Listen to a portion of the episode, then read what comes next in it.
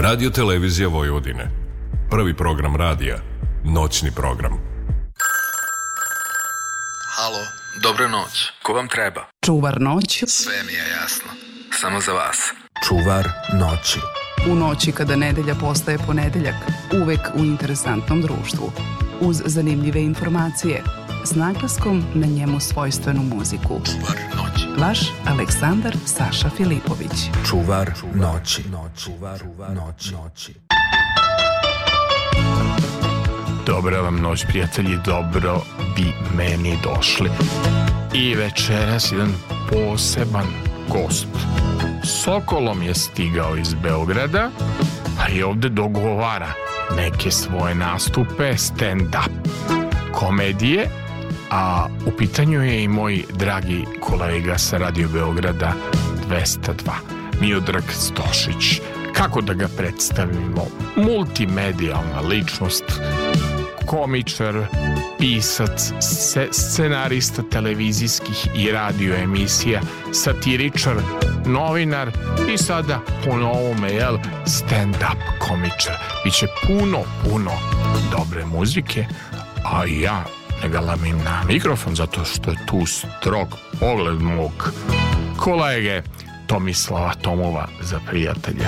Tom i Zorna Đaković, da Zorna da li će da nam napravi neku ovaj uh, kaficu ili nek, neki čaj iz automata vidjet ćemo, vidjet ćemo moramo i neku fotku Tomija da napravimo mističnu za društvene mreže. Drugih poroka kod Toma nema samo voda i samo proces detoksikacije. Ajde za početak par pesama po mom izboru i onda pričamo s ovim mojim duhovitim gostom.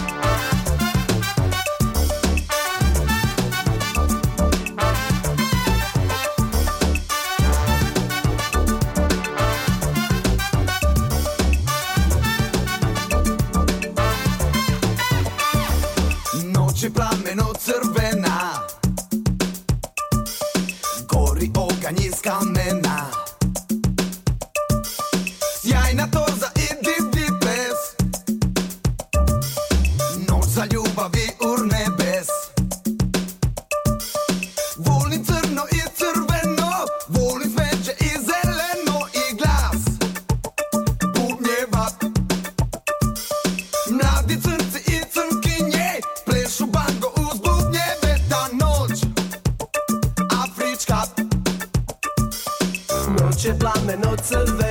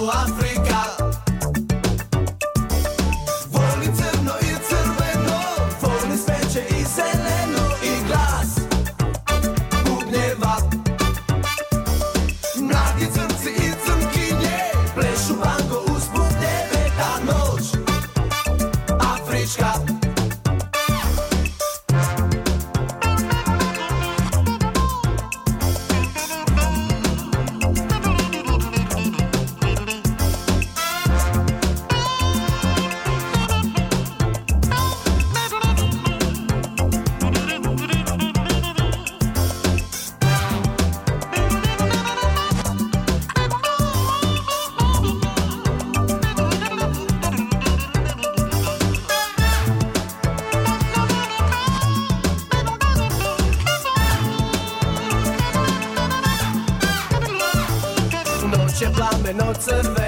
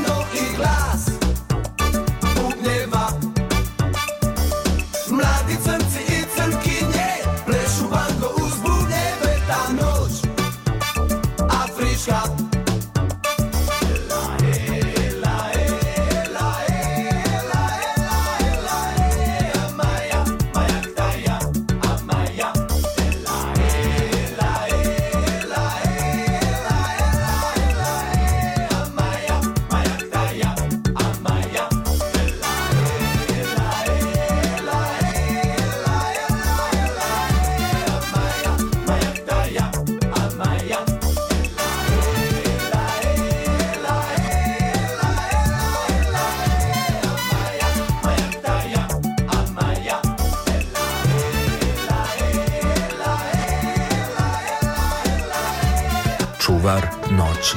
U noći kada nedelja postaje ponedeljak. Prva dva sata radne sedmice. Specijalna noć kada slušalci prvog programa radio televizije Vojvodine imaju nekoga koji ih štiti od tuge. Čuvar noći. Uvek u interesantnom društvu. Uz zanimljive informacije. S naglaskom na njemu svojstvenu muziku. Čuvar noći. Vaš Aleksandar Saša Filipović. Čuvar noći.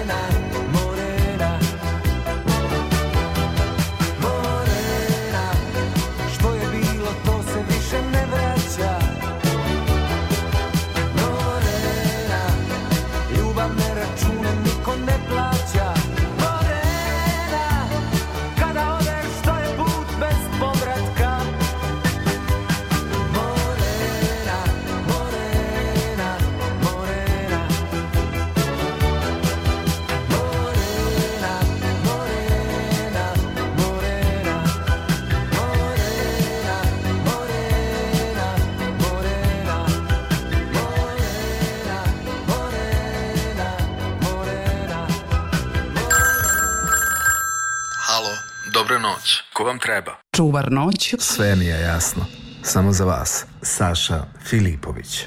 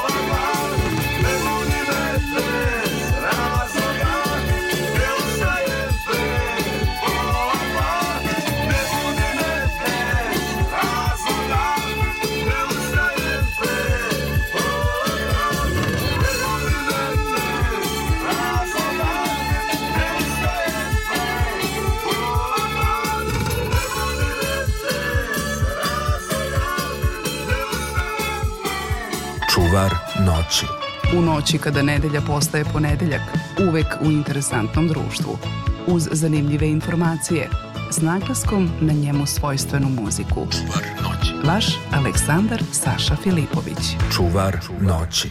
Čuvar noći.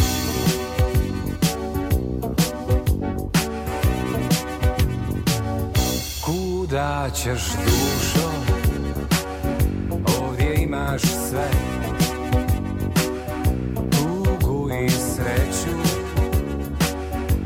pala jabuke. Nije sve bilo dobro Al nije sve ni zlo. Kuda ćeš dušo? Još nije gotovo. Kuda ćeš srce? Što znači istina?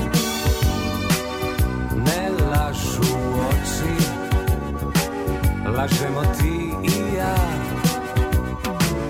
Ljubav je nježna srna U nama diše zvijer Kuda ćeš srce Otići nije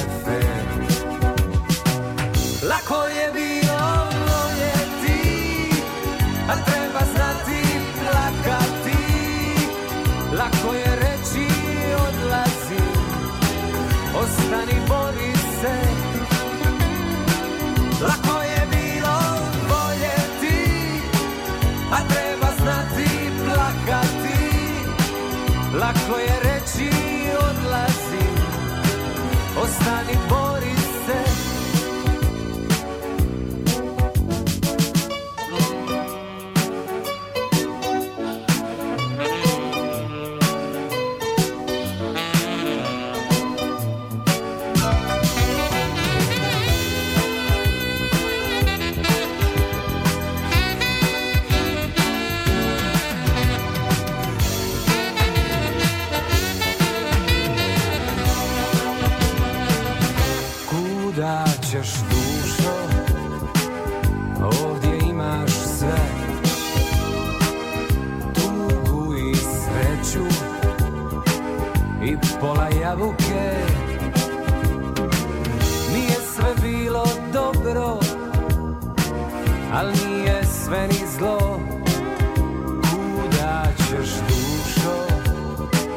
Još nije gotovo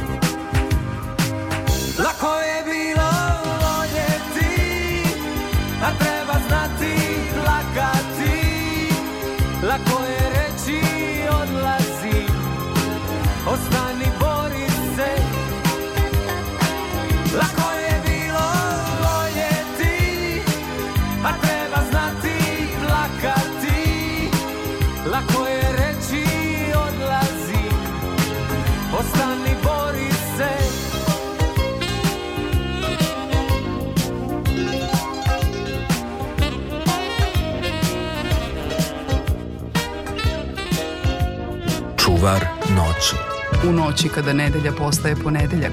Prva dva sata radne sedmice. Specijalna noć kada slušalci prvog programa radio televizije Vojvodine imaju nekoga koji ih štiti od tuge. Čuvar noći. Uvek u interesantnom društvu. Uz zanimljive informacije. S naglaskom na njemu svojstvenu muziku. Čuvar noći. Vaš Aleksandar Saša Filipović. Čuvar noći. E, prijatelji moji, neko dobije. Sada ne pričam šta sve dobijaju ovde preko arhive za mene. Neko poslao majice obično, pa onda dobijem knjige, pa dobijem naranđe stigle iz Herceg Novog i čokolada za Vladimira, malo nije Vladimir, mali on već skoro pa punoletan.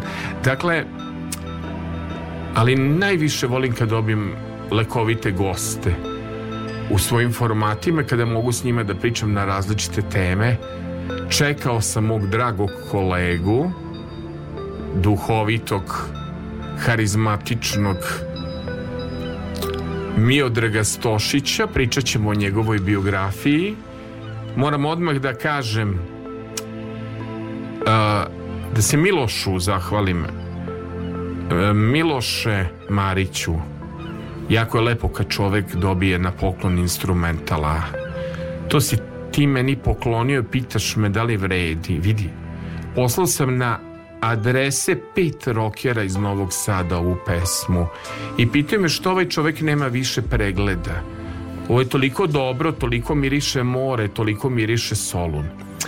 Nego ja da vidim da li je moj dragi kolega došao i, i, i divno mi je kad sam dobio podršku na društvenoj mreži od kolege koji je toliko svestran, koji ima toliko bogat CV, pa ću se ja potruditi da vam sve u njemu ispričam, jer je on i takav CV napisao kad, mislim, se bude preporučivo za posao da ga lepo plate, svakako mu je zabavan.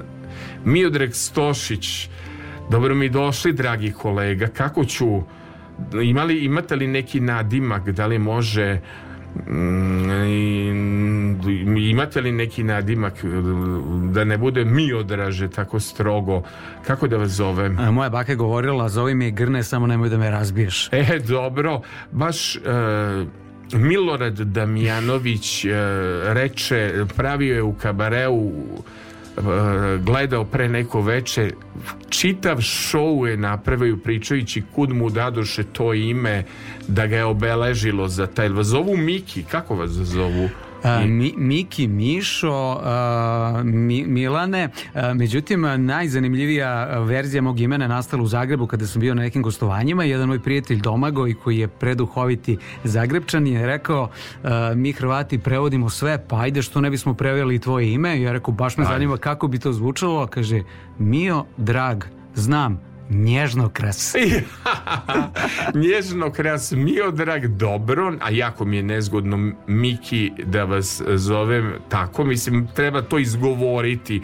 Vi ste čovjek medija, znate i sami da je ovaj problem oko toga, nego interesuje me a, mm, vi ste zapravo autor prvog balkanskog projekta Grbave tange koji se bavi sa muzičkom komedijom. Ovaj interesuje me priča jer je pitanje za jednu predivno harizmatičnu ženu, a mi samo takve zovemo i volimo. Hoću da poljubim Tanju Bošković i da li je naša harizmatična, ali podvlačim i hirovita diva, jer ja znam Tanju Bošković u svim a, varijantama, ali prava dama može da ima i ali je volim nju i Danicu Maksim prosto imam onako top. Ka- kako je nastala pesma Hoću da poljubim Tanju Bošković i da li je uopšte do Tanje Bošković došla ta informacija da ona toliko harizmatična da je ušla u jednu pesmu Pa ovako, neću kazati tačno koliko imam godina, kazat ću da imam više od 15, a Zašto manje od 100. godine? Zato što se lepše, lepše slikate, ovaj, vrlo ste fotogenični. Evo mi, ja kad stavim sad ovo na mrežama što smo stavili, ima da izgore društvene mreže. Vi ste vrlo fotogenični. Ovaj, kažite mi, ovaj, da, i... De, dešava se da sam došao neke godine e, kad sam se setio svoga dede koji je volao da kaže da je mlado stanje duha, a baka bi svoju bacila sa strane i rekla i prostate. E, Dobro. to su neke tako 30. početak kad, e, kako ona beše pesma, suviše, nisam još suviše star da, da mislim o grobu, suviše sam mlad da bi brojao lajkove na Instagramu. Još to je dobra parafraza. Ponovite još jednom. To je već Balašević, čini mi se, prefrazira. Nisam?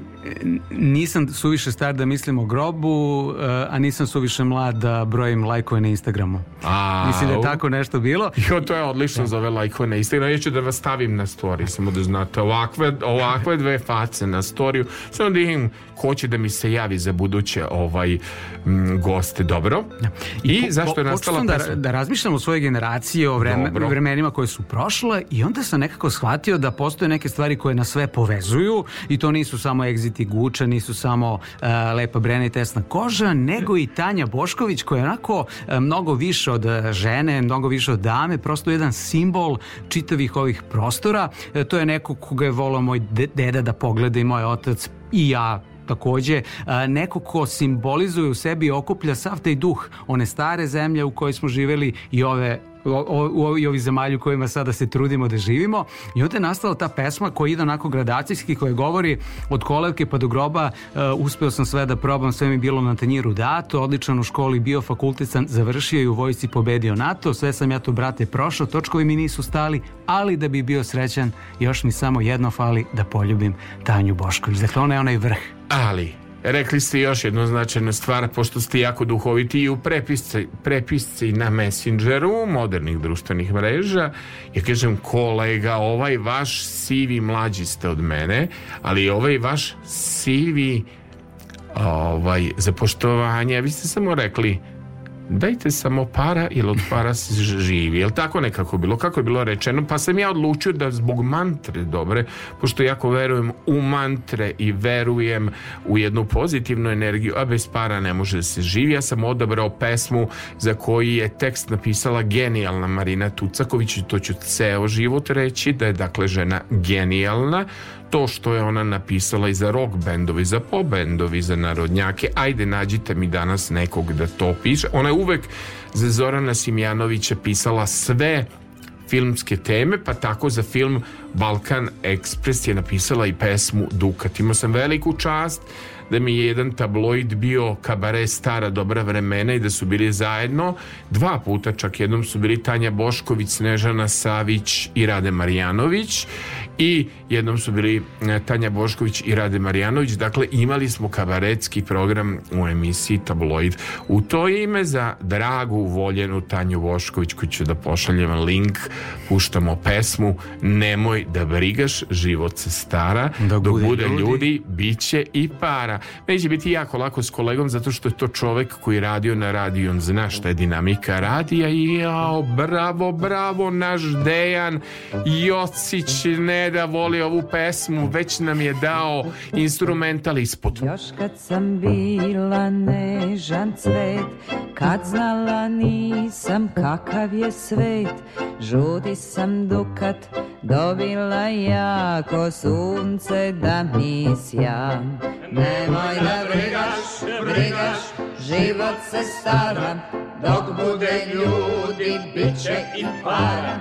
Nemoj da brigaš, život se stara, dok bude ljudi, bit će i para.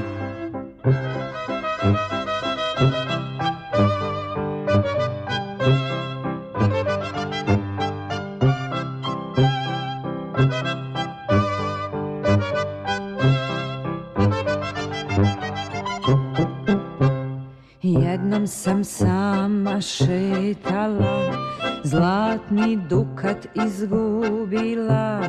Prošlo je mnogo dana od tad Zbog njega plačem sad.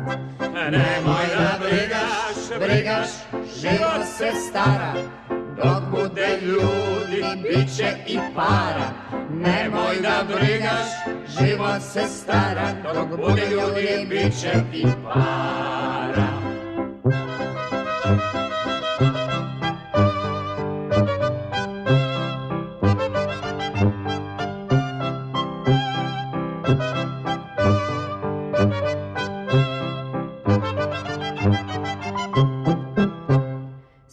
kad sam procvao pupoljak ja Divnog sam momka videla Najlepši dukat sam dobila ja Ko sunce da mi sja.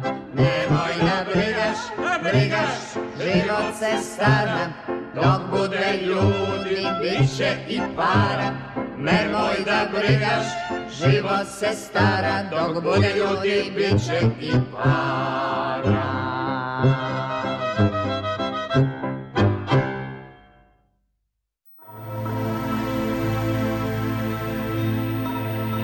Moj gost Harizmatičan Miodrag Stošičak koji ima tako zanimljivu biografiju, da ćemo malo da trčimo po biografiju. Moram da kažem što se njegove playliste da mi ne zameri, ja sam to prilagodio mojim formatima pa sam ja ovaj malo mu šlagerizovo pesme, ukus mu je znači, š, mislim ja bih rekao moj ukus je šaj rode šaj, njegov je ukus voodoo popa i tako da mislim pokušao sam da negde nađemo neki kompromis da mi ostane i ona publika koja voli, voli šlagere. Hvala Bogu da je ponudio i neki šlager i nekog Lea Martina jer inače od ovih repera nemojte da se ljutite ali prosto to nije za moju ciljnu grupu. Ovaj, a želim da imamo i nove nove ovaj, slušalce. Nego recite vi meni kako bi vaša želja uh, da nađete devojku koja mu nije rod jeste našli na kraju Uspeo sam da nađem, a to obično kažem kada govorim o svom zavičaju u Vladičnom Hanu. Dobro. E, ja sam inače tamo ponikao, rođen sam. Re, i... Čekajte, ali to kad mi idemo negde na more, prođemo kroz Vladičin Han, gde je Vladičin Han? Zaboravio sam već i na geografiji. Ljudi vole da, kad ja pitam, jeste bili u Vladičnom ja, Hanu? Ja zaboravim da Oni kažu, bio. nisam bio u, ali sam prošao pored. Ja kažem, e. pa nije to isto, ja sam prošao pored Monike Beluči, nisam bio u... A, gde je Vladičin Han? Znači, on je, jel, jel, jel se prolazi kad se ide na more? Apsolutno, to pa je jedan znam e, m, kad krenemo tamo ka Morači, znači kad idemo kroz centralnu Srbiju, da se prođe pored, ali put ne vodi baš kroz Vladičin Han. Možda, možda će vam ovo biti prepoznatljivije. Da li znate za motel Predejan? Znam, znam. Koji zovu znam, i prejedanje. sa Znam zavisi. prejedanje. Znam. E, e, a to a, je i to je zapravo... Jedna stanica posle Vladičinog Hana. E, m, Da li znam za to? To, to su kultna mesta. Samo je pitanje odluka šofera, hoćeš da ideš u levi ili desni. Pitanje da imaju ćevapi s kajmakom ili, nema s kajmakom. Jednostavno se mora proći pored Vladičinog Hana, je li tako? Naravno, možemo čak reći da se, da se, Vladiči, da se autoput nalazi u sendviču između Predejana i Vladičinog Hana. Apsolutno E. se nalazi u sendviču, ali ne znam da li je to loše po Vladičin Han što ne prolazi toliki saobraćaj ili bolje po Vladičin Han da je ostao tamo Ja uvek volim da kažem da je Vladični Han idealan za neko doba života, idealan je da se tamo rodiš i iz ono poznije doba je takođe lep. E, Lep je svakako, ali eto, ja, ja sam se malo našalio kada sam pisao biografiju da sam rešio da se ocelim jer sam poželao da nađem devojku koja je lepa, koja mi nije rodi. Jer uvek me malo plašila ta statistika kao 8000 stanovnika, ne sele se nešto previše, pa ipak za svaki A jeste li slučaj... imali devojku nekad u Vladičinom Hanu? Jesam, jedno. Jes. A ove po Beogradu na šta ste hvatali? Na šarm, na duhovitost? Šta je vaš najjači adutem što se dobro slikate na društvene mreže, slikate se kao pojedine pevačice, oće vas fotoaparat, fotogenični ste. Ka, na šta ste kad ste se udvarali hvatali? Pa na žurkama uglavnom. E, ja uvek, uvek kažem da treba imati dobru strategiju pristup. Moja strategija je da izađem u grad i da samo kažem, znate Miloša Bikovića, to sam ja, ali posle treće vakcine. Ma, malo, malo me dobila, ali to sam i dalje ja. Gledat ćemo se u južno, južnom vetru. A Beograd je nešto potpuno drugačije po tom pitanju. Jel, jel, i- jel su ljudi konzervativni u Vladičinom Hanu, devojke, žene? Ka, kako izgleda u Beogradu? Kako izgleda čoveku kada dođe iz malog mesta u veliki grad? S namerom, joj, ima na jedan narodnjak, mada ih ne, nešto ne, ne habate na playlistama, s namerom dođu u veliki grad. To je jedan pevao, sad ne mogu da se setim koji je, da li Šaban ili Marin. Ne, taj je došao s namerom u veliki grad. Da, da je- s kojom ste vi namerom Da došli? kamerman, pevao bi sa kamerom dođu u veliki grad. A, David Lynch, a, autor Twin Peaksa, je rekao najveću istinu u odnosu malih i velikih mesta, koju ja podržavam i rekao je da se u malim mestima živi isto kao u velikim, s tim što se u malim mestima sve vidi. U, u velikom gradu možeš u jednoj ulici da se obrukaš, da uradiš milion stvari, da već u sledećoj prestali se niko te ne zna. A u malom gradu, a, moj deda recimo ukrade kesicu čipsa i njegovog unuka bi već zvali Lopov. Miodrag Stošić, Lopov. Lopov. Tako da se tamo Dobro. mnogo više pamti, mnogo veća odgovornost. Dobro i čini mi se da, da, da je pitanje i zabavljanja i morala i devojaka ako se zabavljaš moraš i da ženiš stoga e, vrlo ću po- pokušati kroz prelepu pesmu hvala vam što ste to izabrali jer je pesma koju ja stravično volim do duše meni je uvek asocijacija kad krenem put Jadrana pa se nalazi na mom flešu i nalazi se na diskovima dok smo imali dakle diskove devojka iz moga kraja Kakva je devojka iz vaše kraja? Kako bi opisali devojku iz Vladičinog Hana? Arsen je to prelepo opisao da kuša okus prvih poljubaca, prvih oskoruša, jako le, lep tekst. Oskoruša. E, Oskoruša. A, koliko, kakva je devojka iz vašeg kraja? Pa Kakav je ukoliko- poljubac devojke iz a, vašeg kraja? Ako bih morao da generalizujem, neka to bude poetski rečeno kosa kao Monika Belucci, Opa. ramena kao Kalista Folokart, grudi kao uh, Lola Novaković i nogi kao Darko Pančev. I što ste opisali, pa ovo je jedan fotorobot. Inače, to je čovek koji toliko radio zanimljivih eh, radijskih formata da misli dakle brzinom svetlosti. Idemo referen strofa Dejane Jociću detelinarcu moj. Dakle idemo na devojku iz moga kraja Arsen Dedić referen strofa pa nastavljamo dalje. Noć na putu kojim kreću od davnina. Naši snovi prema svijetu S Perkovića preko Knina. U očima njenim more Svjetluca joj sol u kosi. Ona ne da da je slome Otima se i prkosi Djevojka iz moga kraja Na usnama njenim kuša. Okus prvih poljubaca Okus prvih oskoruša. Ona pamti davne riječi Slatke boje zavičaja. Ima želju da me liječi Djevojka iz moga kraja.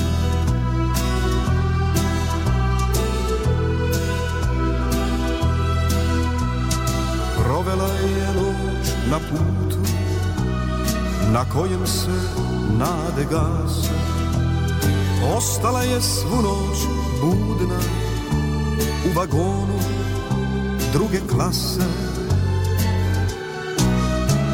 U očima njeni more Svjetluca joj sol u kosi.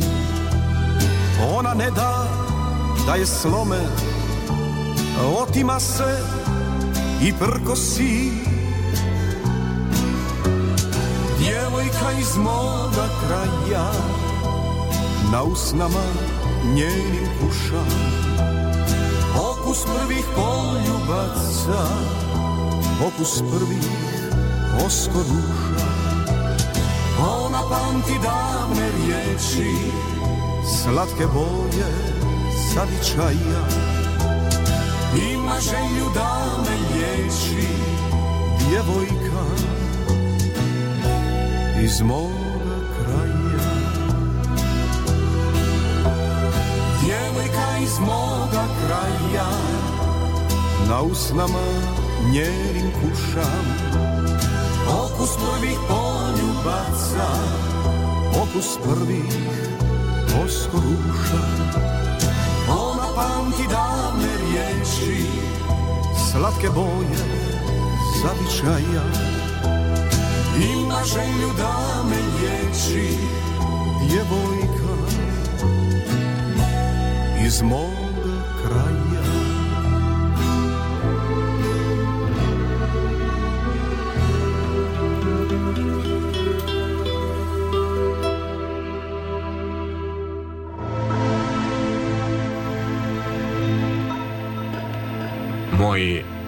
dragi, divni kolega Miodrag Stošić došao Sokolom pa si organizovao ovako malo i da vidi novu e, zgradu radio televizije Vojvodine i oduševljen je kako čisto. Ti znaš kakve mi imamo divne spremačice. Pre svega gospođe. Ja uvijek kažem da mora da postoji kultura ponašanja. Volim tim damama ako s- dođe neki slatkiš i da dam po neku čokoladicu i po nešto jer, jer, jer su divne i, i kad uđu u kancelariju izvinite jel smetam ono, ona, ona postoji kultura po kojoj bi mi vojvođani trebali da budemo prepoznatljivi. I, i dok ja budem odgovarao za programe koje radim radio formate, televizijske formate uvek će biti kultura. I, i uvek će biti da lepa reč i gvozdena vrata otvara. E, moram da kažem, moj gost je mlađi od mene, evo reći ćemo skoro 14 nego pa da 14 godina ali je vršnjak mog saradnika znači dovoljno da je odrastao uz tabloid ili bar, bar da ga gledao tabloid toliko se emitovao dugo format ja sam toliko dugo na televiziju 96. da ovaj jasno je da, da me morao videti nego bih malo e, kolega o vašem CV-u koji je divan odnosno ja jako sam redko menjao posao. Kad mi se kaže ajde radi nedeljno popodne, ja radim ili kad mi kažu dva mora radi. I dve divne godine sam proveo na jednom fascinantnom mediju koji je radio, jer danas televizija je postala inspiracija za humoriste, ali, ali ono što je na televiziji je stravično. Želim vas pitati o tim formatima koji ste radili i, i, i ka, kako čovek postaje saradnik kultnih emisija i radio stanica i koliko se radio promenio danas za radio i biraju playliste kompjuter i nema više toliko autorskih emisija ispričajte mi tu vašu karijeru od 2002. do 2012. godine gde ste sve radili i kako ste dolazili do posla da li čovek iz uh, manjeg mesta ima veću tu ambiciju da kuca na 100 vrata pa onda na 10 vrata ga izbace a ovaj onda on izađe na, na 11 Ina, inače u životu i kod žena i sa gostima ne uspevaju najlepši, mm -hmm. nego uspevaju najuporniji. Ja inače mislim tako kad dajem mlađima savet na, na, kad predajem novinarstvo, predavao sam u dve škole, uvek sam omiljen gost predavač, uvek kažem za intervju pobeđuju najdosadniji. Ali ja, ja imam jedan problem, na primjer, ako meni neko dva ili tri puta kaže ne, onda je ne. A pojedinci mi kažu da ne znam da su za, za, za, za pojedine ličnosti zvali 777 puta što je meni neverovatna dosada. Da budem dosadan to mi se ne uklapa u moj CV. Hoću da pitam o vašem bogatom CV-u. Gde ste sve radili od 2002. do 2012. godine? Što, što bi se reklo, imam bogat CV i sve ostalo mi je siromašno. A, ja sam studirao političke nauke i završio 2007. godine. Međutim, Kolega. Nikada, nikada nisam video sebe kao a, klasičnog novinara. Ja imam ogromno poštovanje, kao što si govorio malo čas o tome da moramo imati poštovanje. Za mene su ljudi, kad kažeš novinari, oni koji umeju da urade sve u novinarstvu, od pisanja čitanja vesti pa do uh, reporterisanja iz ovrta i slično. Uh, moj prvi dodir sa radijom je bio ne kroz tu vrstu informative i profesionalizma, nego kroz emisiju Oblak u Bermudama Darka Kocijana koja je počela da se emituje 1991. godine i to je jedna zabavna emisija radijska koja je uh, okupljala ljude koji vole da pišu humoreske grafite, aforizme, šaljeve pesme, gde su mogli da se čuju neke stvari koje se ne mogu čuti baš svuda i to je bilo veoma nenametljivo uh, i podsjetio si me sad pričajući o radiju na jednu definiciju radija. Radio je sve prisutan, ali je nenametljiv. Radio je nevidljivi kućni prijatelj. Mora da bude prijatelj. To mi je da. jedan uh, psihoterapeut rekao, jedan kolega novinar. Nije tu radio da bude samo jukebox. Radio mora da ti bude i najbolji drug.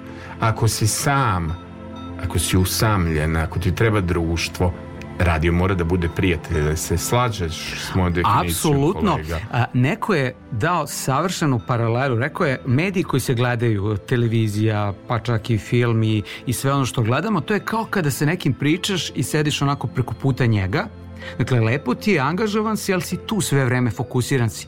A radio je kao kad imaš nekog sa strane, pored ono rame uz rame i idete negde zajedno. Dakle, radio može da te prati dok putuješ vozom, dok uh, ručaš, dok vodiš ljubav, dok radiš ko zna sve šta. I možeš i da ga slušaš sad, s obzirom kako su nam i ti telefoni uznapredovali, svaka iole modernija aplikacija ima mogućnost slušanja radio stanica. Ja ovo što posebno volim e, to je da nekako bar ja to tako kažem nemam sad više potrebu kad je televizija u pitanju ili radio da trčim sad da bude uživo program. Ajde uživo je kad putujemo negde pa si pri, prinuđen da slušaš ali mislim da ovi linkovi za odložena slušanja, da linkovi za odložena gledanja nama pomažu, bar meni koji radim TV kritiku, e, pomažu mi da budem informisana da opet ne budem taoc. Jel tako?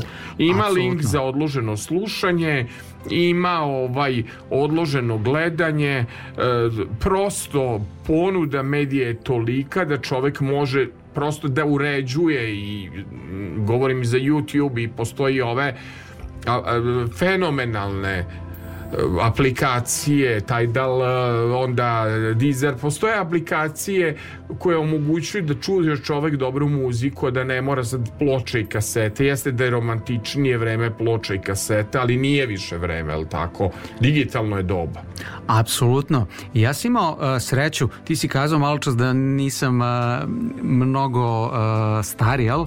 ali ja Nije. pripadam po tom nekom svom obrazovanju i vrednostnom sistemu starijim generacijama i ja sam odrastao uz, uz ljude kao što su Minimax, Marko Janković, pomenuti Darko Kocijan. I nekako sam uspeo, imao sam privilegiju da iz godinu u godinu imam takvu vrstu angažmana na radiju uh, da radim ono što volim, iako mi to u početku nije bilo glavno zanimanje. Dakle, ja sam bio, kako bi se to reklo, jedno spadalo koje je nešto piskarilo, dolazilo, nikada tu novac nije bio u prvom planu, bio sam student, daj studentu parče hleba i, i masti i zadovoljio si ga i daj mu jedan radio ili kasetofon i onda sam se prosto tu pomaljao levo i desno sve do 2012. godine kada je na radiju u Beogradu počela zaista jedna moja poslovna faza, ako tako mogu da kažem, gde sam počeo da vodim emisiju Šta je s porno. To je jedna tako šaljeva kviz emisija na, na razne teme i onda malo pomalo sam čak uspeo da, da sebe nazovem i onim klasičnim novinarem koji, eto, omakne mu se pa pročita neke servisne informacije, Nije vesti. E, Dešava se, mada moram da priznam da to dobro. bude e, smešnije nego što bi trebalo, jer meni je jedan kolega kada smo snimali neke džinglove onako rekao posle u ofu kao kolega, glas vam je lep, čist, ali imate toliko neke ironije blage, ako pa, Pa sam si od da ironije, radim? sam si od ironije. E, zamislite naziv emisije, šta je sporno? A malo s, a ono ispada porno. Mislim, totalno, ova, onda ima tu je bila emisija i šta reče brza traka, jel tako? Apsolutno, brza traka funkcioniše i dan danas, Dobro. svakog radnog dana od 16 do 19 na 10 dvojici. To je emisija o saobraćaju Dobro. i veoma je zanimljivo da sam ja tu emisiju vodio i onda kada nisam imao vozačku dozvolu. Stvarno? Tako da je to u stvari bilo kao kad... Kako može čovjek da vozi, zamislite ovo, vozi, vodi, vozi, vodi emisiju, a nije imao saobraćenu dozvolu. O, sao, jel vidite šta je To kolega? kao kad bi neko bio ministar e, odbrane nije završio vojsku, otprilike ta neka paralela, Da. ali, ali ja sam zaista nekako se snalazio, mene pošaljao da uradim neku reportažu sa ulice i kao nilazi auto, kakav je? Crven. E, kakav je još? Pa dugačak je. E, koja je marka? Pa strana marka, sigurno, veli, nov je sigurno. E, jel sve je u redu u gradu? Lepo je, da. I onda ja sad e, kažem u programa, eto, paducka neka kišica, e, sve je inače u redu, naravno gledam preko sajta, nisam napolju zaista, i onda se na Twitteru pojavi, to mi je poslao prijatelja, neki, neko iz Hrvatske, neki sudi ili tako, je bio negde u e, Šidu ili tako nešto poslovno i čovek tweetuje, ne mogu da verujem, nalazim se na granici e, sa Hrvatskom, kiša pada kao iz kabla sat i po vremena, a neki baja na 202 kaže samo paducka lagani pljus. Pa ne može da bude isto na granici sa Schengenom i da bude isto u Beogradu. Scenarista ste i kultne emisije Karavan na Radio Beogradu. To ona kultna emisija e, da je ona dobra narodna muzika.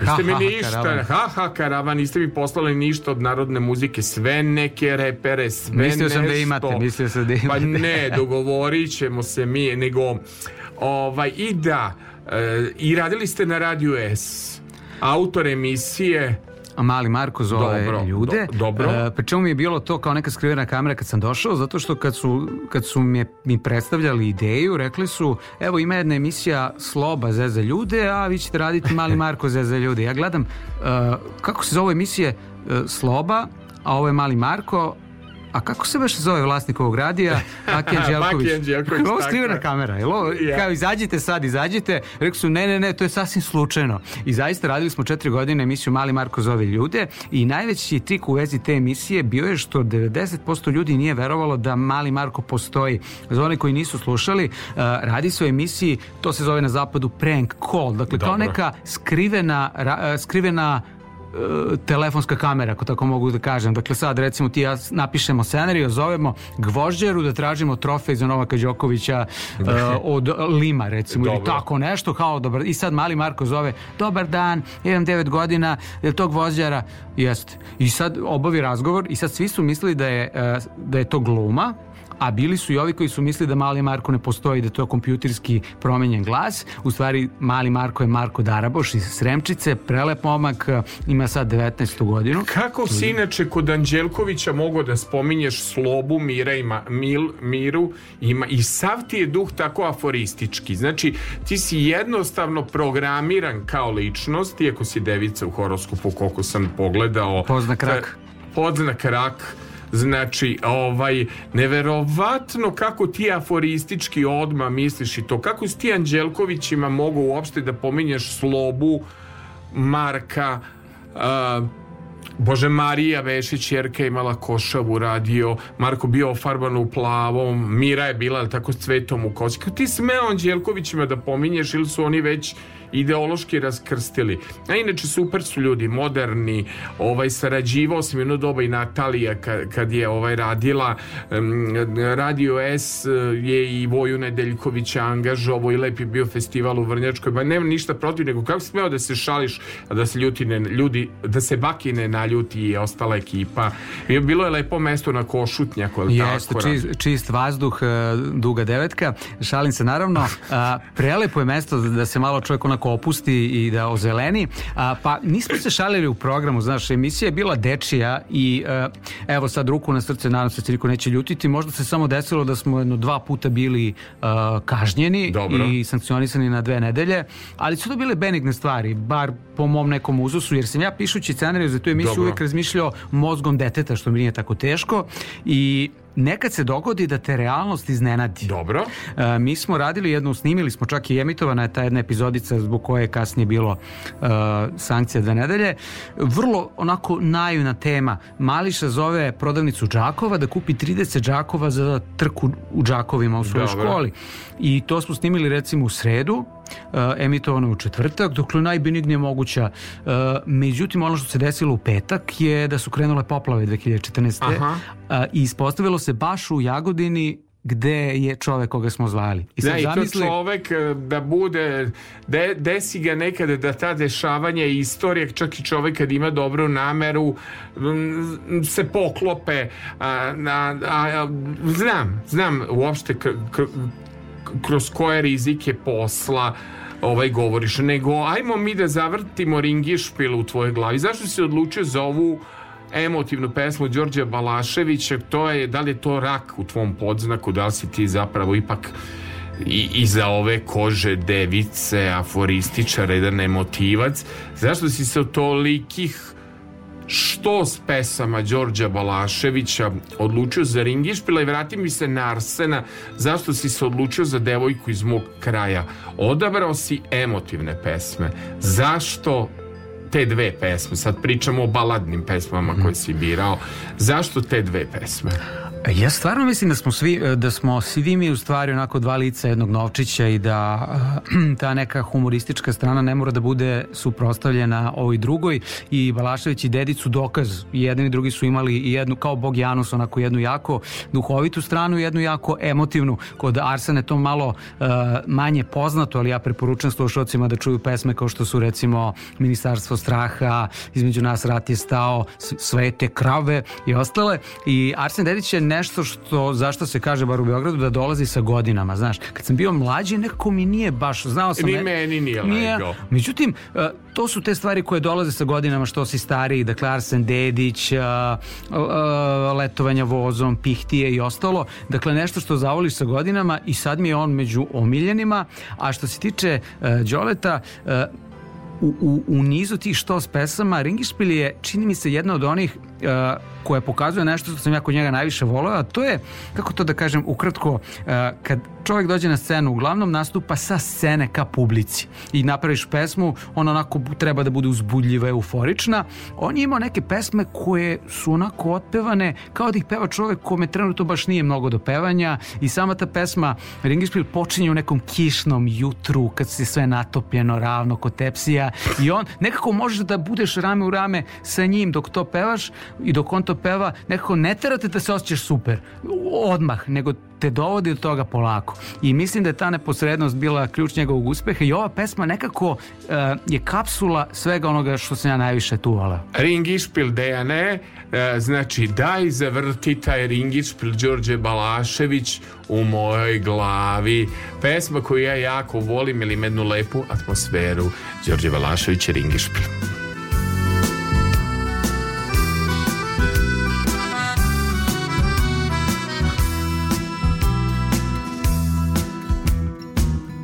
Curi od jutros od četiri pet. Rešilo nebo da potopi svet. Nad gradom danima vise iste kulise. Poliva kiša, al to joj je zanat Ma sve mi je ravno, ko severni banat Manje više. I sa kišom i bez kiše Vreme se vuče ko teretni voz. Gde li večeras da pomolim nos? Klasika, konobar, un kafe, macchiato Pa da. Prolazi vreme, al to mu je manir I sve je to plitko ko plekani tanjir. I zeš sliku Nigde jedra na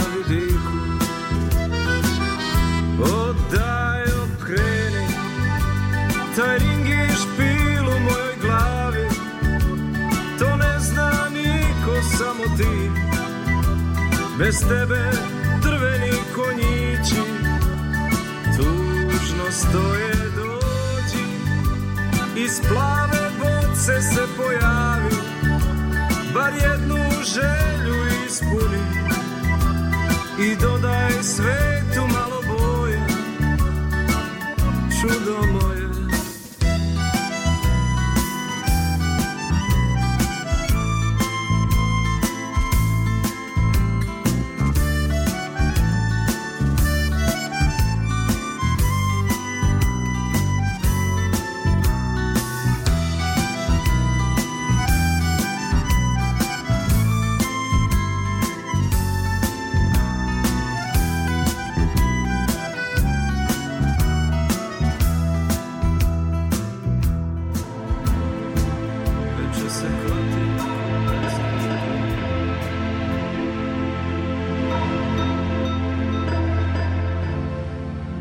Moj gost Miodrag Stošić, e, kolega, baš imamo mnogo tema. Ajde samo da pitam, e,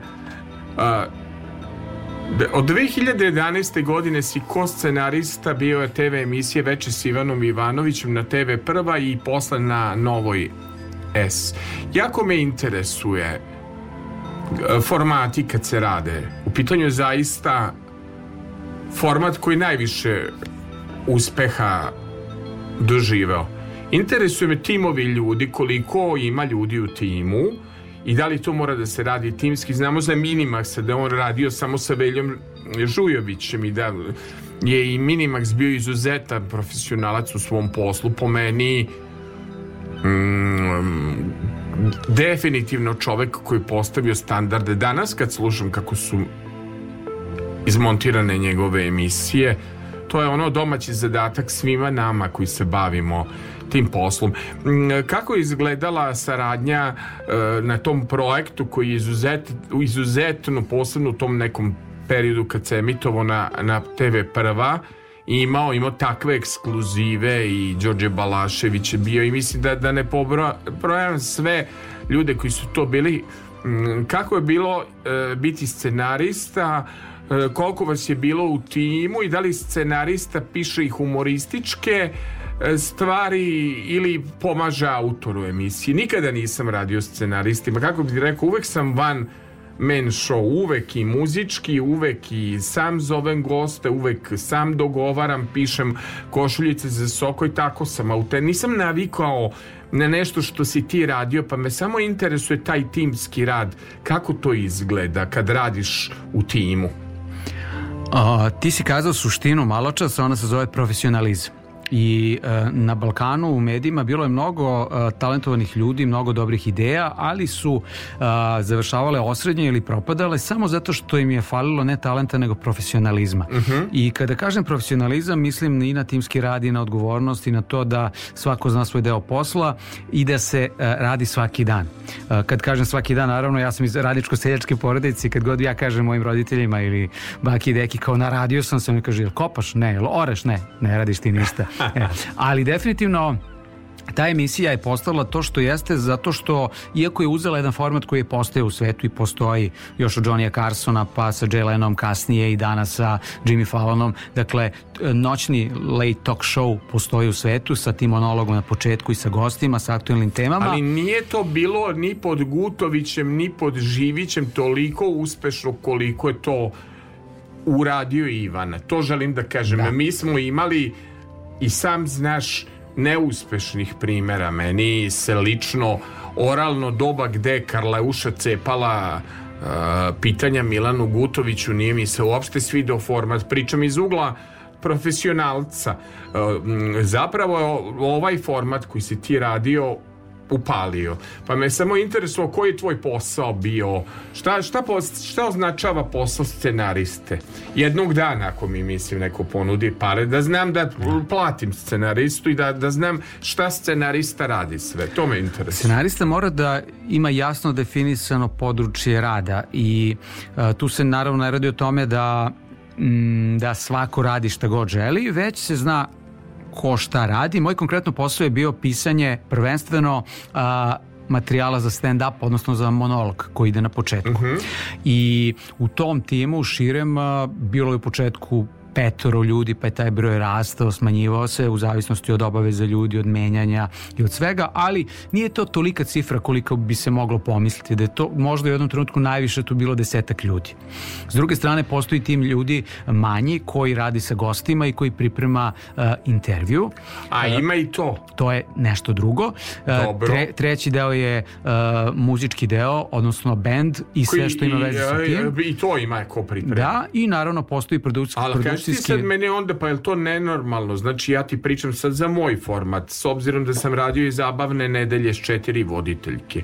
Da sam radio tabloid 1100 izdanja da sam evo evo subota sa Sašom 100 izdanja čuvar noći sve radim sam jel sam ja sad neki u, u, apsolutista ne mogu da radim timski ili tako situacija nametnula da li je bolje raditi pošto si ti autor emisije, dalje je bolje da autor ipak radi sve sam.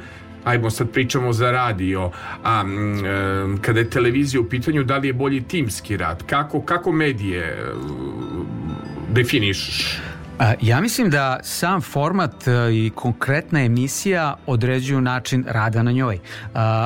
Konkretno več s Ivanovićem Ivanovićem zahteva veću količinu ljudi u timu zato što je a, najveći deo materijala takav da nije, se ne bazira na razgovoru sa gostima, već na prethodnoj pripremi. Dakle, tu gde su gosti sami, to bi voditelj mogao da radi bez ikakve pripreme i tu je dovoljna snaga njegovog novinarskog nosa, šarma da, i svega. Međutim, ako imaš emisiju gde se recimo 70% materijala priprema ranije, tu čovek teoretski može sam da radi, ali verujem da ako to radiš svake nedelje da bi se videla ta odstupanja u kvalitetu. Ivan Ivanović nikada nije imao tu vrstu egoizma da bi probao sve sam da radi. Jasne. Verovatno bi to bilo dobro donekle pa bi bilo oscilacija. On je uvek voleo da se okruži ljudima koji mogu svako koliko može i ume da da svoj doprinos i nikad se tu nije prebrojavalo ko je koliko šta uradio, šta je, čiji je pročitan u kojoj meri. Uvek je bila ideja da svakoga dana svi rade svoj deo posla i da se napravi jedan uh,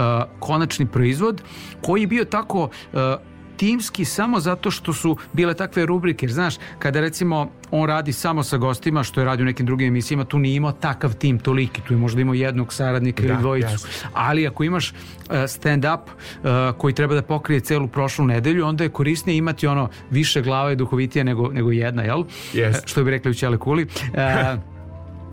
Razumeš, ja, ja sam neki, neka estetika, ti si druga. Ovaj, ako imaš deset estetika gledanja na isto, onda iz da. svega toga možeš da dobiješ više uglova. Ako imaš jednog genijalca, koji je genijalac, ali je jedan, onda će to uvek biti jedan ugao gledanja. To je bio i Dejan Pataković, ili tako? Yes. Te mu je bio i od, Bulić, koji yes. je sad, e, čini mi se, otišao na, na, na K1, a mislim prosto, pošto sam bio gost u nekim formatima i uvek su me urednici zvali ovaj, za te neke formate. Prosto, eto, to je interesovala tehnologija, teo sam i nešto profesionalno da te pitam. E, sada, jedna pesma za nas dvojicu, Laura i Leo Martin, e, ima vremena za ljubav, ima dve verzije, ali deki ja predlažem da idemo ovu moderniju malo da skrećuje dakle um, uh, grupa Ima vremena za ljubav, jedna fantastična pesma mog divnog gosta, nažalost nije više sa nama. Vojkan Borisavljević ima vremena za ljubav. Ljudi ovo kao da pe, au, ovo kao da peva Tom Jones. Mada je on srpski Tom Jones. Miša Jović iz Kuršumlije i Leo Martin i kaže oh yeah, ima vremena za ljubav ima vremena za nas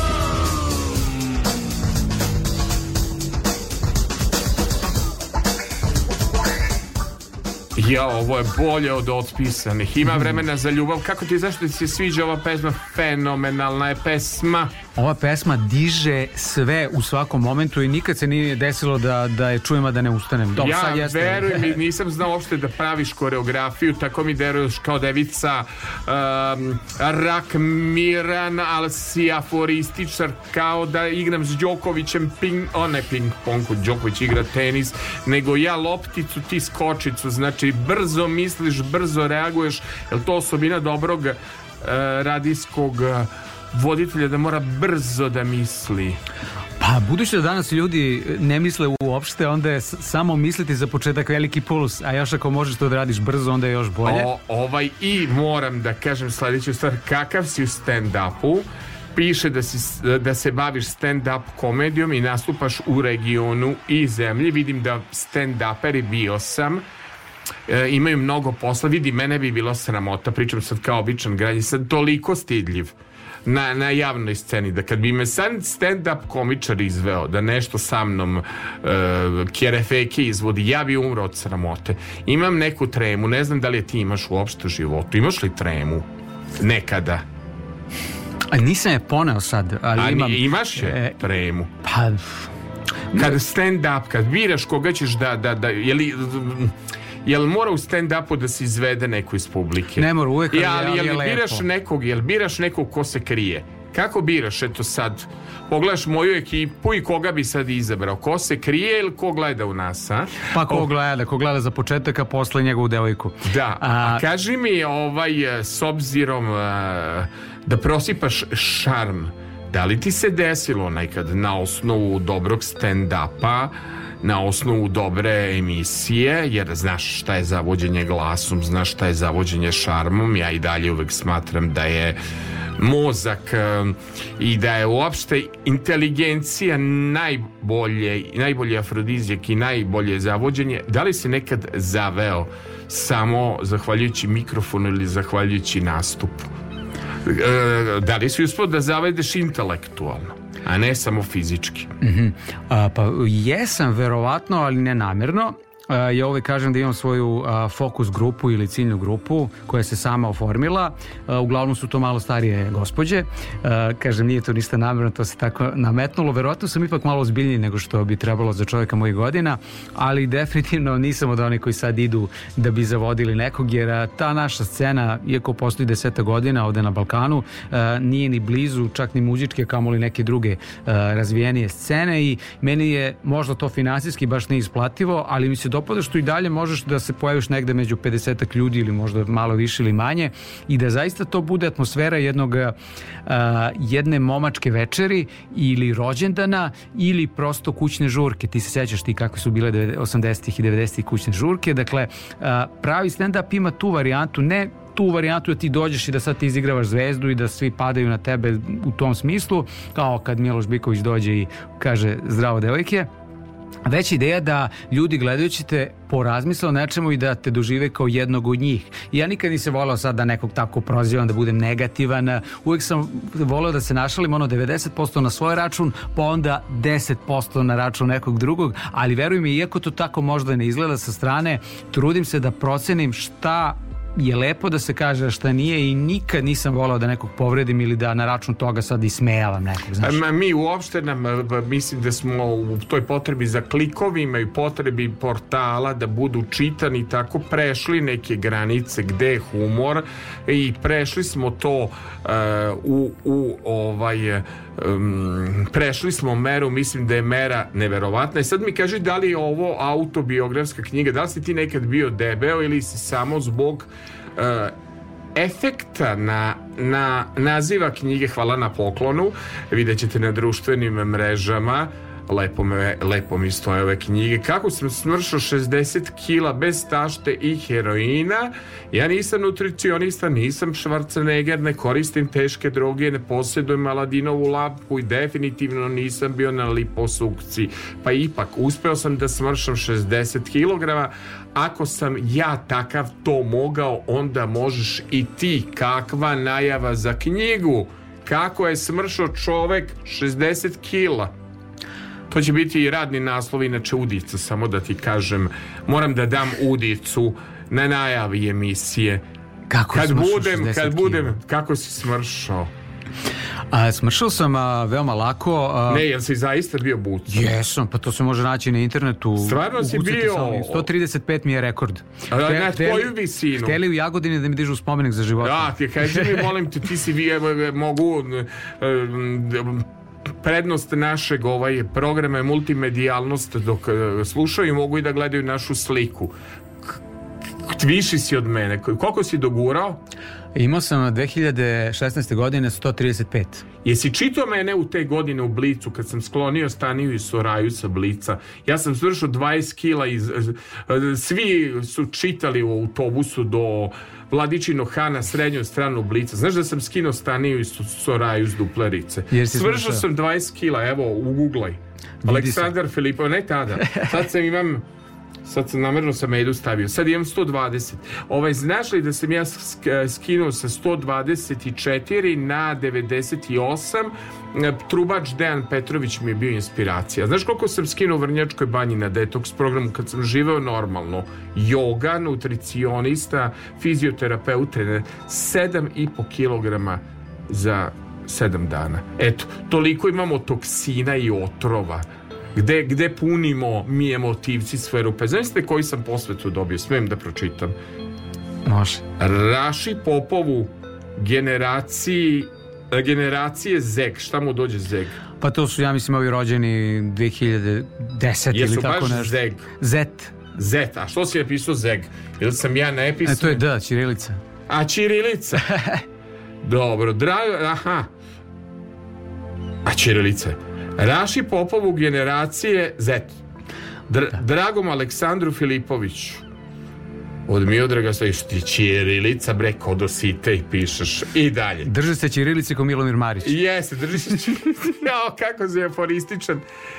I jednom romantičaru od drugoga, Aleksandru od Miodraga. Jao što sam dobio lepe pesme, ali romantičan. Tebi koji si glavni grad moje emotivne geografije i čije suze iskompromituju kišu. Jao ljudi što je ovaj čovek emotivan. Pa O tome, smo, o tome smo pričali, ove dve knjige kad ih ovako staviš dodir leđa u leđa su ti te dve, dva, dve stranice istog novčića, ova jedna duhovita, ova druga romantična, tako da imaš uh, da pokloniš kome god želiš. Ne želim da drugu. poklanjam, imam podsvest. Ja ne imam šta mi donesu ljudi, kod mene ti ne postoji ono što bi rekli ide od ruke do ruke. Kad ja dobijem sa posvetom, to stoji u mojoj biblioteci kao draga uspomena i želim da imam, pogotovo s tako lepim posvetama. Elem. E, sam, samo da zaboravio sam da kažem kada Kaži. si sad pominjao mršavljenje a, ja zbog korone nisam mogao da promovišem ovu knjigu bili smo Dobro. zatvoreni i onda se otvara zemlja sve kreću promocije i taman sam malo počeo da radim promocije da idem po medijima. Pojavljuje se Bojana Stamenov koja je smršala 80 kg I, i došlo mi da idem da gađam zoljom kao taman moji 60 su bili ono vest odjednom su ništa kao Ja 80 hoću da ti kažem kad sam ja s 20 dobio blic posle ću da ti pokažem na telefonu da vidiš kako sam dobio naslovnu čoveče dobio duplericu bio sam fenomen ali mi je problem Znaš šta bih ti ja rekao šta je suština jela i svega? Mi emotivne rupe moramo puniti jelom, ajvarom, eh, slatkišima i tim stvarima. E, teško je vreme. Sirevima. Jao, ako si hedonista ne možeš da živiš ko s pet zvezdica. Dakle, moja omiljena pesma. Da li znaš u jednom tabloidu bacit ću ti insert s YouTube-a da je prljavi inspektor Blažo meni stavio scenografiju na glavu. To je bio šok. Onda se prevrnuo, da, da, Kris, prevrnuo se sa stolice. Onda je zalepio žvaku. Onda je počeo da juri po studiju da peva čihu, čihu, čihu, huivin voz. Ono što sam ja doživeo s Blažom, dobro je da sam ostao to je bilo sablažnjavanje zaista. ne, šokirao me čovek. Njegov smisao za humor ipak je tvoj lakši smisao za humor. Stoga, pozdravljam mog prijatelja, prljavog inspektora Blažu i sećanje na divnog Mileta Lojpura. Idemo, dakle, šumadijski twist, šumadijski twist mora malo da ide i neka rok čirilica. Ajmo na šumadijski twist, twist. Prljavi inspektor Blaža i Mile Lojpur. Gospodin Mile Lajpur, izvolite Mile. Hvala moj gospodin Blažo, drago mi da sam tvoj gost, pevamo zajedno. Idemo. Šuma dio roni kraju, twist, twist, twist, twist. U tebi je kuraju, twist, twist, twist, twist. Četiri konja debela, twist, twist, twist, twist. Da prešla preko begeja, twist, twist, twist, twist. Dođi mala mule ruž, twist, twist, šta je mu. Twist, twist. Curo moja lezi pored jarka, twist, twist, twist, twist. Da pravimo kraljevića Marka, twist, twist, twist, twist. Ako nećeš ti pošalji priju, twist, twist, twist, twist. Da pravimo musu keseđiju. Twist, twist, twist, moja Helanke ti svuci, twist, twist, twist, twist. Evo idem, nosim ga u ruci. Twist, twist, twist, twist. Nosi blaža tebi malog zeca. Twist, twist, twist, twist. Ti ga pusti devetog meseca. Twist, twist, twist, twist. Slatica mi u krompire stigla. Twist, twist, twist, twist. Ja je prašim, ona noge digla. Twist, twist, twist, twist. Mala moja frižideru stari. Twist, twist, twist, twist. U tebi se moje meso kvari. Twist, twist. Curo moja, uteram ti moga. Ja. Twist, twist, twist U dvorište konja debeloga Twist, twist Twist, twist Da kiša na prozore štrca Twist, twist Kolega, kolega, reci mi, molim te, to, koliki, da li si prebrao statistiku koliko do sada si uradio radio emisija? Imaš li statistiku, vodiš li kao precizna devica, a emotivni rak? Koliko emisija do sada? Mm, koliko epizoda koje emisije ili generalno? Ukupno koliko si uradio radio emisija do sada? Interesuje broj. Pa ako... Da li ko kile? Mm, 12 puta, uf, pa možda do 1000, eto. Dobro. Reci mi jednu stvar, da li su sve emisije uživo ili nešto i snimaš? Kakav si sa, sa ovim, e, kakav program više voliš, da li voliš uživo ili voliš da snimiš? Ja nekad i volim i da snimim, samo da ti kažem. A, trenutno Zato- najviše radim kombinovano, onako neki segmenti su Aha, snimljeni, dobro. neki su uživo, ali nekako čini mi se da je živa emisija a, sklonija onako prirodnosti, improvizaciji, ne prevelikoj, ali eto uvek se čuje nešto, uvek se uredi nešto što možda nisi planirao, ali trenutno ti se čini kao dobra ideja. Ja zapravo format e, e, čuvar noći obično radim uživo kad nisam na putu, a subotu sa Sašom volim da snimim zbog toga što i volim i u postprodukciji malo da napravim neke džingliće, da napravim neke šale, da ubacim neku muziku. Ti imaš tu čast da ćeš biti u oba formata, samo da ti kažem, zato što si zbog nas zapucao Sokolom čak iz Beograda, tebi se to čini da je jako malo, ja mislim da je mnogo. Svaki čovek koji je dobrom energijom došao i okadio ovaj studio i dao podršku je jako značajan zato što ljudi treba da budu ljudi, treba da budemo kolege. Moj najveći kompliment je kada je Ivan Ivanović, kada je kad su bili fosili u gostima, zvao da me pita mm, sugestije koje bi sam ja uradio intervju. Ne, kad je bio Dino Merlin, tad me zvao i a, a, a i, Amidžić me zvao za nove fosile, čini mi se. Tako da veliki mi je kompliment mlađe kolege kad poštuju starije kolege i ja sam za to da mi moramo da se poštujemo, bar mi koji smo iz tih vremena kada si ti rođen. Mi koji smo rođeni pre e, kraja Jugoslavije i pre ovih novih modernih e, vunenih digitalnih vremena ja sam za to da mora postoji kolegijalnost i da mora postoji lepa reč i mi moramo da budemo kolege a ne da izigravamo ludilo. To mi je jako važno. Težak je posao, teško je preživeti, teško je opstati. Moramo se držati, čuvati naše generacijske vrednosti. Ja se slažeš sa mnom. Čuvati emotivnost. U ovom vremenu a, gde se čini da sve može i da je sve dozvoljeno i da je sve trenutna inspiracija i šala i, i, i fora, e, izgubilo se svest o tome da pravog voditelja i uopšte intelektualca čine gospodstvo, obrazovanost, inteligencije, duhovitost i poštovanje. I meni je ovo što sam napisao posjeti da, da sam te zamišljao kao Rašu Popova nove generacije, ja sam stvarno, ja verujem da kad budu prošle neke decenije, da ćeš ti da nastaviš tu lozu tih a, velikih ljudi sa malih i velikih ekrana i, i iz radija, koji su zaista bili ljudi, a opet su nam bili prijatelji, iako ih možda nismo nikada ni sreli. Ja moram sledeću stvar da ti kažem šta, šta sam naučio za ove dve godine eto rada na, na a, radio Novom Sadu. Pre svega da je to radio koji se gleda, onda radio koji se neverovatno proširio na društvenim mrežama. Danas ljudi nisu robovi ni radija ni televizije, svako gleda odloženo i kad mu odgovara, ali šta imam iza sebe? armiju ljudi koji su odrasli uz moj program i imam jedno njihovo poštovanje. Da li je to sad jedan doktor uvaženi, da li je to IT stručnjak koji će doći na radio i otići da radi svoj posao za hiljadu evra od kojih može pošteno da živi, ali to su moje generacije koje sam ja stvorio. Oni su meni lojalni, verni i odani i zato ja imam ovde armiju publike jer su odrasli uz moje programe i moje forme. Oni su moja nada da će nama biti bolje.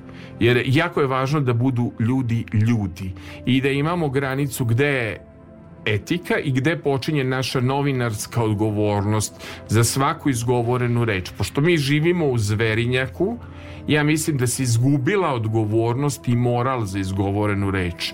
I ako ćeš da se šališ na neke teme, moraš da znaš dokle smeš da se šališ, jer kao novinar završio si fakultet, taj znaš da mi moramo da snosimo odgovornost za sve. Ajmo brzo još da kažemo nešto o tvom CV-u, pa da se uh, odjavljam. Gde si objavljivao? U kojim listovima?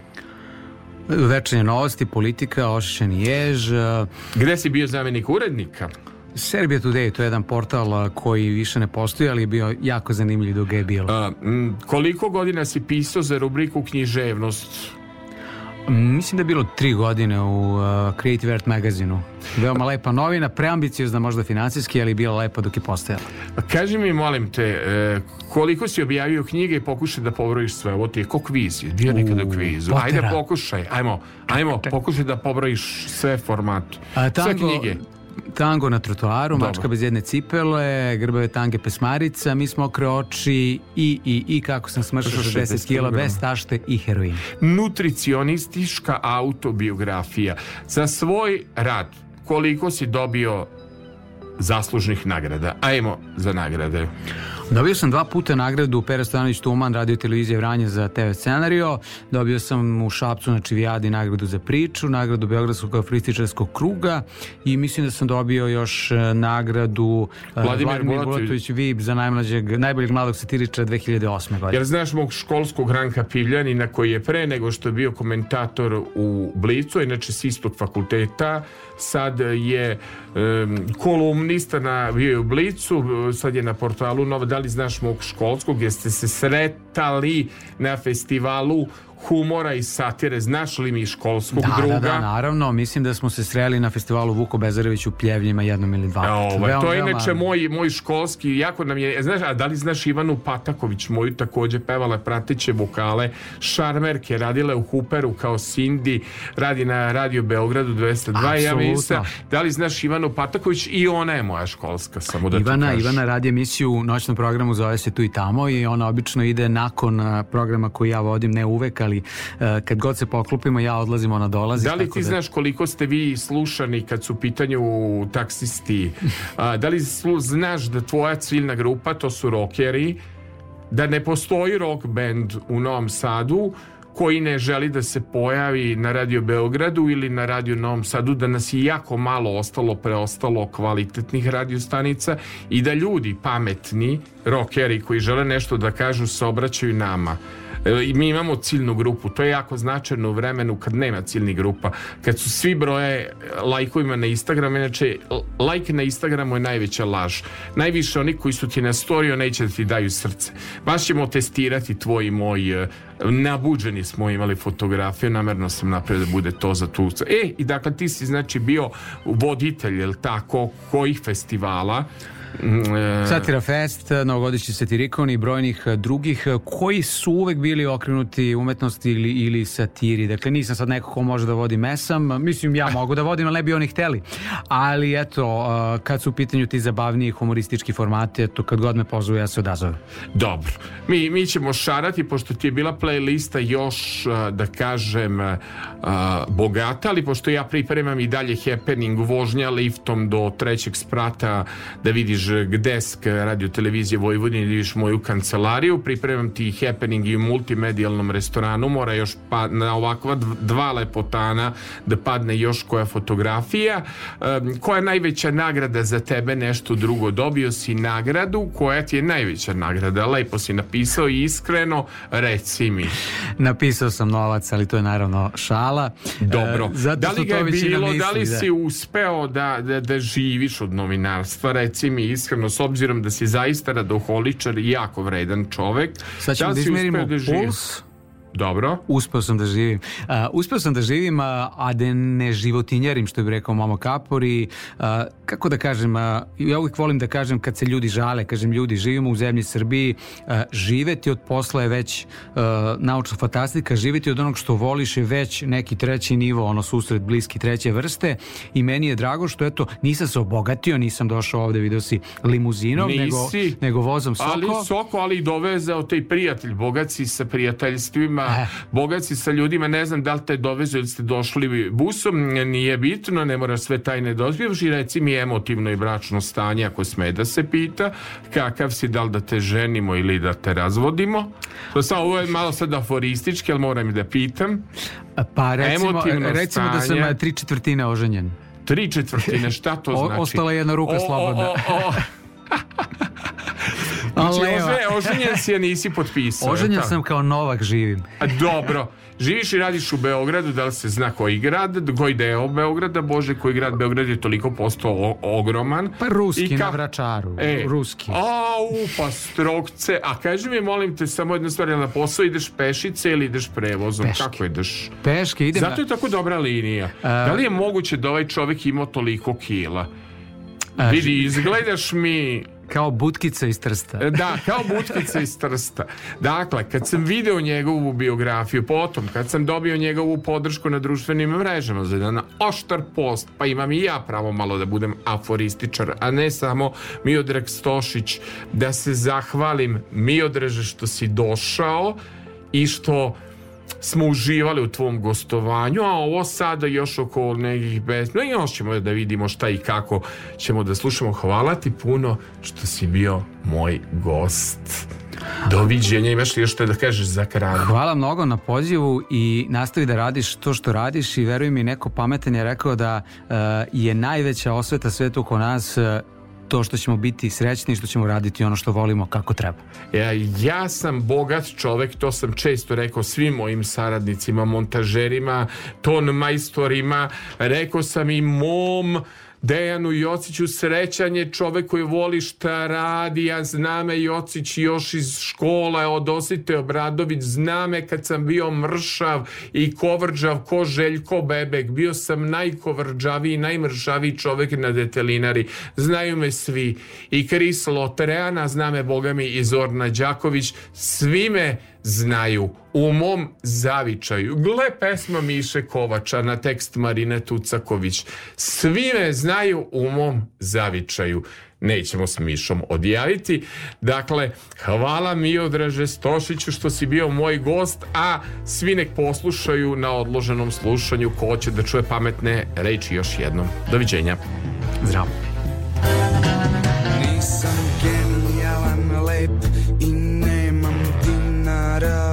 Džepu Ne vredim koliko izlizani učbenik marksizma Al svi me vole, radi se o jednom lažnom mepu Da sam obdaren sa magijom što zove se harizma.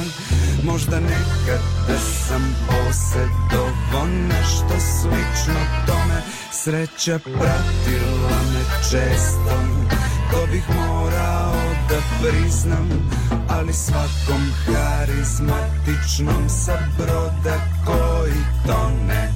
Kad stopalima pipneš no tad nestaje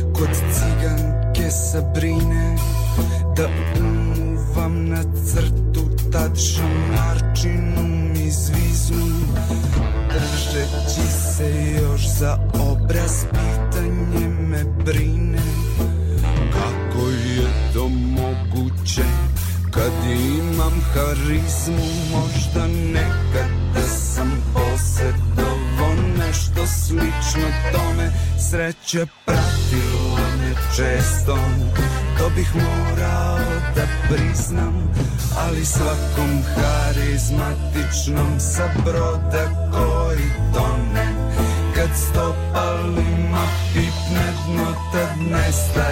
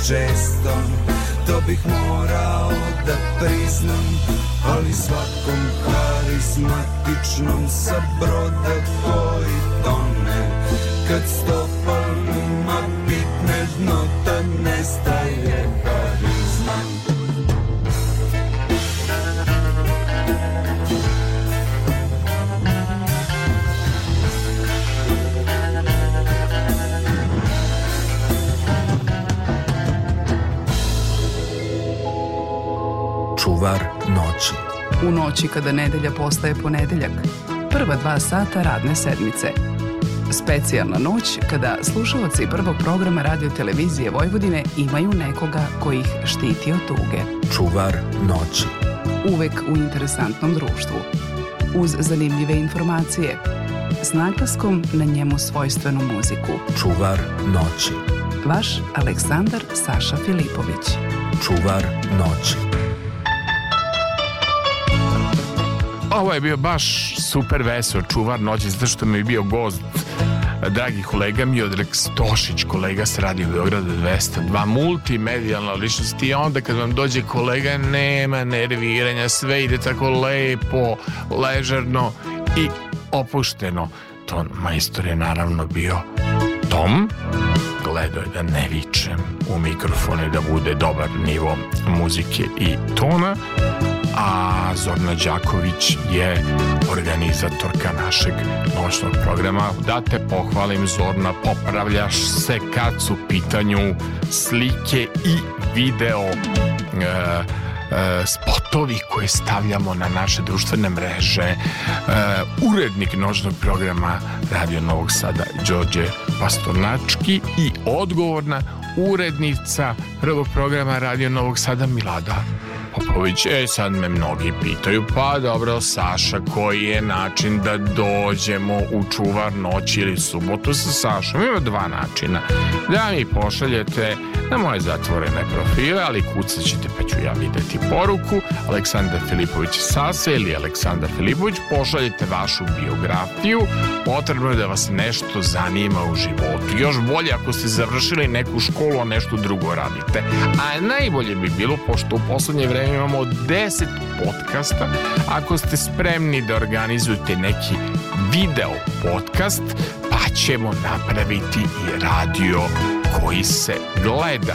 Dakle, pošaljete svoju biografiju i pošaljete predlog od jedno 10 pesama. Pesme moraju da budu domaćice. Za čuvar noći moraju ovako da budu mistične i moraju da um, mirišu na noć, jer takva muzika se sluša noću, mirno, tiho. Takvi su i gosti, mirni, staloženi, tako dalje. Dok je format subotom sa Sašom opšte narodno veselje tipa caki, caki, cale, kupi mi sandale, samo pazi cale da ne budu male. Dakle, to je jedna populistička emisija gde se pušta narodna muzika. Mislim da sam sve rekao do slušanja i šta ćemo za kraj da slušamo pa pozdravit ćemo Jao, da li sanjaš što me okorču Ja sam u Vela Luci mislim Mislim, mislim, mislim i u Rebić ću da idem Pa pozdravit ćemo tvoju tetku. Poslaću link. Jasni Zlokić moj omiljenoj pevačici I za kraj ćemo slušati pesmu Noć i dan koju je pevala na vašem šlageru sezone 1988. godine, a komponovo je Vojkan Borisavljević. Noć i dan i još malo muzike za kraj. Do slušanja!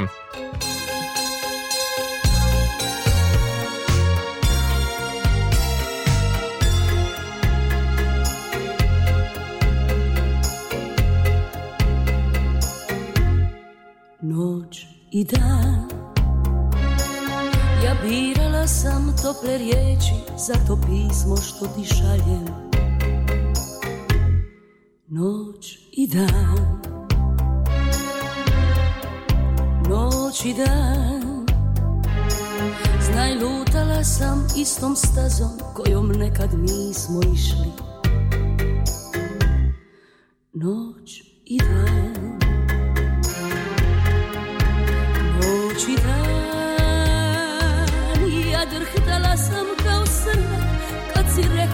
njoj ideš i nju samo želiš doći dan.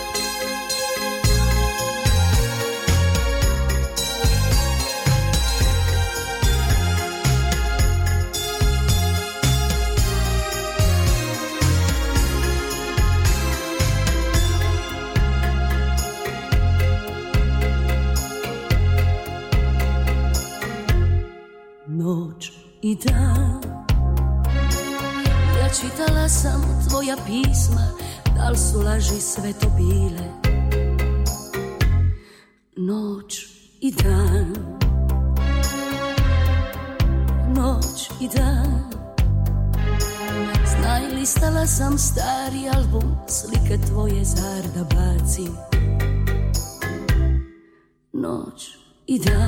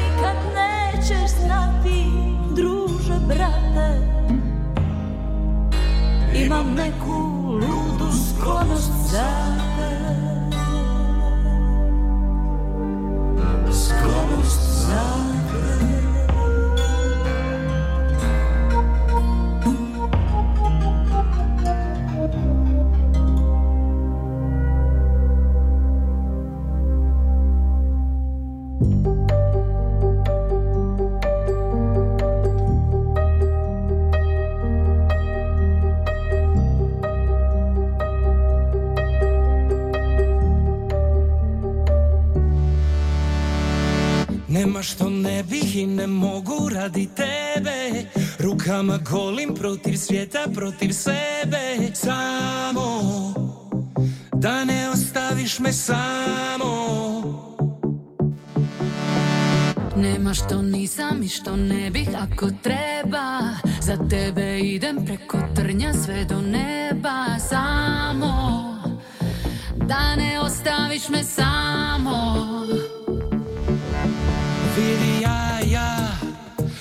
neću priznar da smo promašaj. O, ma vidi ja, ja. Sve ću samo, neću da je kraj.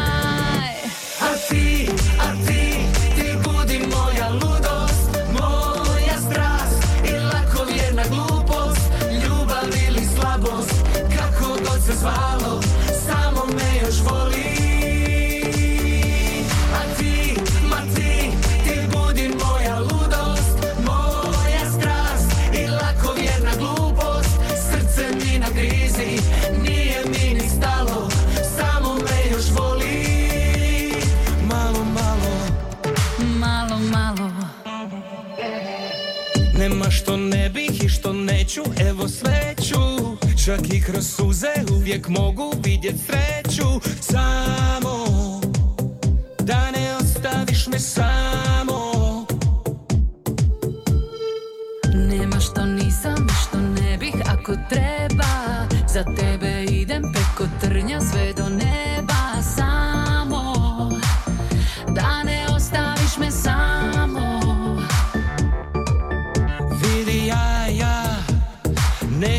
priznar da smo promašaj.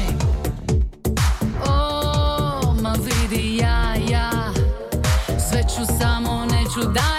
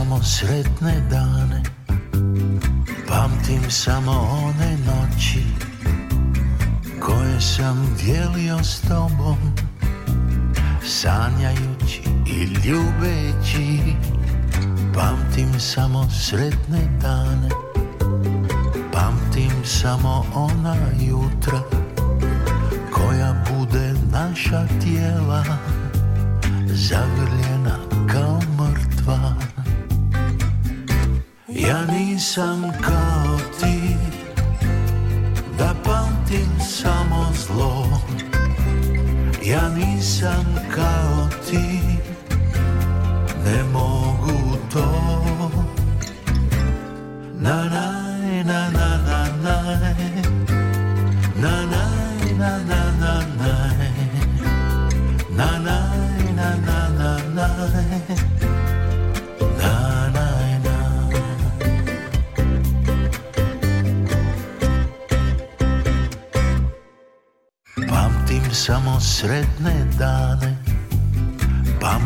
samo one kuće Gdje se naša ljubav krila.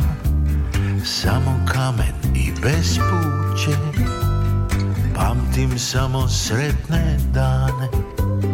Oko nas je voda rasla Pamtim samo tvoje riječi. Kad si našu ljubav spasla. Ja nisam kao ti Da pamtim samo zlo. Ja nisam kao ti Ne mogu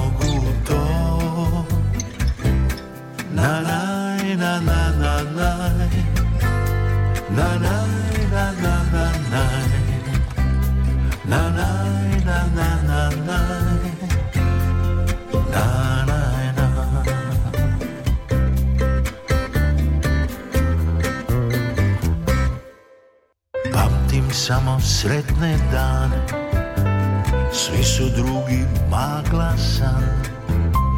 Samo onaj koji valja Ulice je upisan. Pamtim samo sretne dane Oko nas je voda rasla. Pamtim samo tvoje riječi Kad si našu ljubav spasla Ja nisam kao ti Da pamtim samo zlo.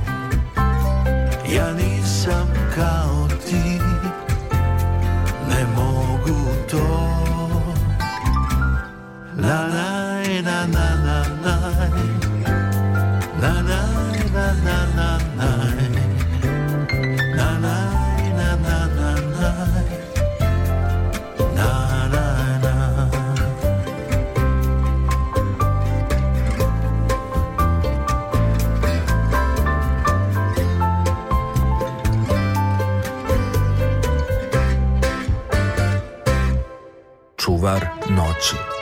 noći kada nedelja postaje ponedeljak. Prva dva sata radne sedmice. Specijalna noć kada slušalci prvog programa radio televizije Vojvodine imaju nekoga koji ih štiti od tuge. Čuvar noći. Uvek u interesantnom društvu. Uz zanimljive informacije. S naglaskom na njemu svojstvenu muziku. Čuvar noći. Vaš Aleksandar Saša Filipović. Čuvar noći.